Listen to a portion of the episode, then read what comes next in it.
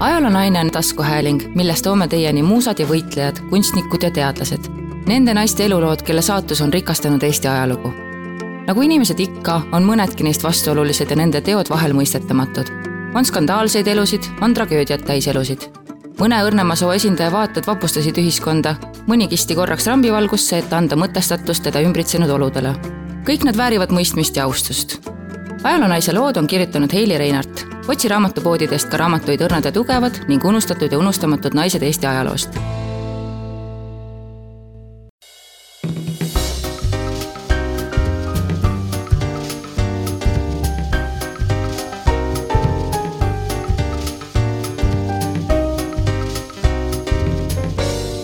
Elvi Kalepi lugu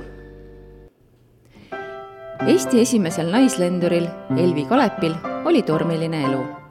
Tema isiksus oli seejuures särav ja väga köitev. vahva naise kreedoks oli, elu tuleb võtta suure lusikaga. Alviine Johanna Kaalep sündis Pärnumaal Tori kihelkonnas kahekümne kuuendal juunil tuhande kaheksasaja üheksakümne üheksandal aastal. ta oli pere ainus laps ja tema vanemad surid juba siis, kui ta oli vaevalt aastane Tallinnas Nõmmel elanud sugulased võtsid tüdrukukese enda juurde elama. Ta oli lapsena väga rahutu iseloomuga, aga see-eest ka andekas. tuhande üheksasaja kuueteistkümnendal aastal saadeti Elvi sõjajalust ära algul Narva, hiljem Peterburi, kuid seal sattus ta veel suuremasse segadusse, kuna just sel ajal puhkes revolutsioon ja ta võeti kinni kulus ligi kaheksa aastat, enne kui Elvi revolutsioonihoos märatsevalt Venemaalt välja sai kuna ta oli Venemaal koos oma kasuemaga ja sellel pidi Vladivostokis olema vend, siis võtsid nad suuna itta. lõpuks pärale jõudes selgus, et tädivend oli sealt putkanud juba Hiinasse. Vladivostokis tutvus Velvi Vene kindrali krahv Slašoviga, kellest seda armus ja nad abiellusid. paaril sündis ka poeg. korduvalt proovis noorpaar emigreeruda Eestisse, aga läbi Venemaa see kuidagi ei õnnestunud lõpuks otsustasid nad proovida Hiina kaudu, kuna tema mehel oli kontakte sealsete võimudega. põgenemine õnnestuski, kuid maha tuli jätta kogu oma varandus ja puuduse all kannatades ei pidanud nende laps vastu. laps suri, kui nad olid jõudnud Harbinisse.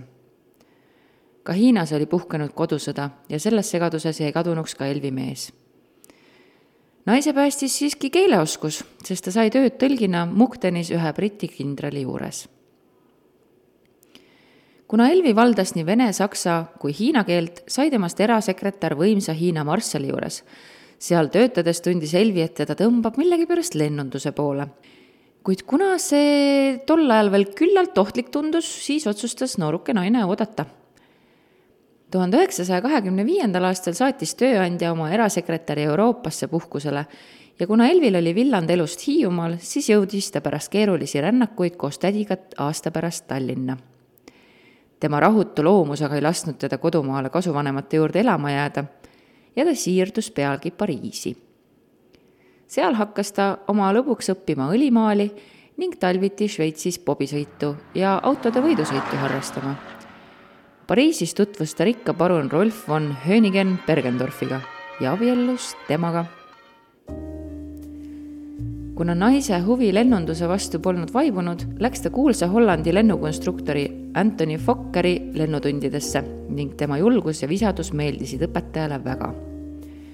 Fokker andis omalt poolt neiule lendamiseks innustust ja juba pärast viit lennutundi sooritas Elvi augustis tuhat üheksasada kolmkümmend üks vajalikud eksamid Elvi sai esimese Eesti naisena kutselise lenduri diplomi. samal ajal õppis ta ka lennukimootoreid tundma ja võis varsti vabalt tegutseda ka mehaanikuna. ta lendas tol ajal Clem Mercedesiga.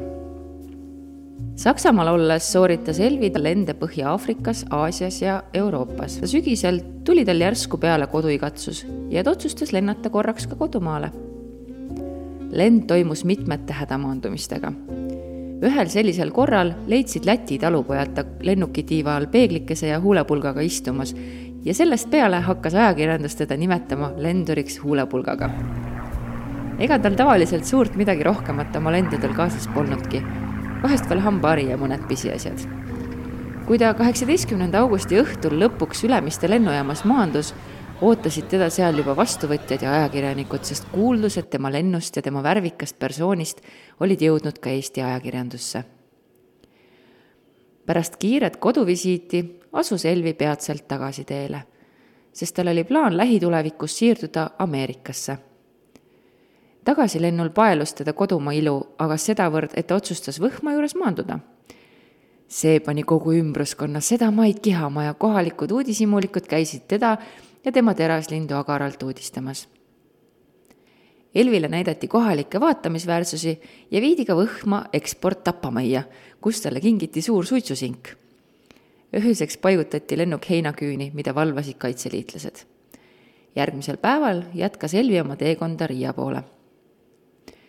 Arnold Sepp, kes Elviga selle põgusa maandumise ajal tutvus, kohtus temaga aastakümneid hiljem Miami's Eesti majas ja siis jutustanud endiselt särasilmne Elvi talle selle singi kohta loo. kuskil Euroopas jäänud Elvi rahadega veidi jänni ja tal tulnud lennuk maha müüa, et laevaga Ameerikasse saada.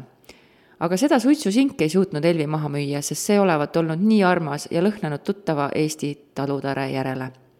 nii et naine otsustanud, ennem mingu lennuk kui võhma sink ta viiski Singi Ameerikasse kaasa, kus see pidulike koosviibimiste käigus loomupäraselt kahanema hakkas ja kusagil Chicago kandis lõpuks otsa lõppes.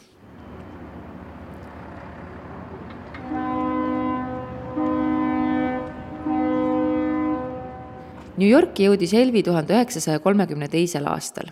Ameerikas sai Elvi sõbrannaks kuulus naislendur Amelia Earhart, kes oli juba tuhande üheksasaja kahekümne kaheksandal aastal koos kahe meespiloodiga üle Atlandi ookeani lennanud. ka Elvil oli auahne plaan. ta tahtis saada esimeseks naiseks, kes lendab üksi üle Atlandi ookeani. paraku oli aga tema sõbranna salaja ettevalmistusi teinud ja startis kolm päeva enne Elvi plaanitud lendu. siis oli Elvi Kalepi otsus, et teise naisena pole enam mõtet seda ettevõtmist korrata naine hakkas hoopiski kavandama olümpiamängude auks lendu Los Angelesist Ateenasse ja sellest kirjutati palju ka ajalehtedes paraku ei leidnud ta sponsoreid ja ootamatult teatati hoopis, et Elvi Kalep on abiellunud börsimaakler Hutton Milleriga, kes oli kategooriliselt sõidu vastu. lendamise asemel alustas Elvi Kalep loengute pidamist Eestist ja lennuasjandusest. Loengute kaudse viljana sündis tuhande üheksasaja kolmekümne kuuendal aastal tema esimene lasteraamat Airbabies, mille ta ka ise illustreeris raamatu kordustrükile kirjutas eessõna sõbranna Amelia Earhart ning kolm päeva pärast selle kirjutamist ta kaduski. hiljem on Elvi pihtinud. ma igatsen teda väga palju. kui ma kuulsin Amelia kadumisest, ma, ma lagunesin koost. Teise maailmasõja eelõhtul lõppes Elvi abielu börsimaakleriga ja alanud sõda tegi ka lõpu toetustele Euroopast. naine pidi leidma mingi uue elatusallika idee pakkuda lastele midagi, mis oleks seotud lendamisega, viis ta lõpuks mänguasja turule. ta mõtles välja väikese langevarjuga nuku, mis õhku visates imekaunilt ja graatsiliselt maha langes. nukul oli edu ja peagi oli Elvil juba vabrik. suurt tulu see vabrik sõja ajal siiski ei toonud raske füüsiline töö vabrikus ruineeris ka Elvi enda tervise ja tema säästud kulusid haiguskindlustusele. nii tuligi nukutehas lõpuks sulgeda ta jätkas nukkudega siiski ka pärast sõda ja viiekümnendatel olid menukad tema Scribbles-nukud, mille näo võis iga laps ise joonistada. tema elutempo oli jälle pöörane, ta andis intervjuusid, esines raadios ja televisioonis. kuuekümnendatel elas Elvi väga kirjut ja püsimatut elu. Ta sõitis mööda Ameerikat ringi, elatas end käsitöödest ja pani oma töid näitustele välja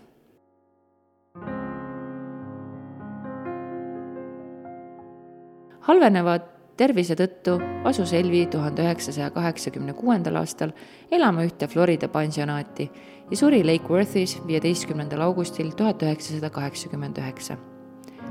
tal polnud Ameerika Ühendriikides omakseid ja ta maeti üksinda.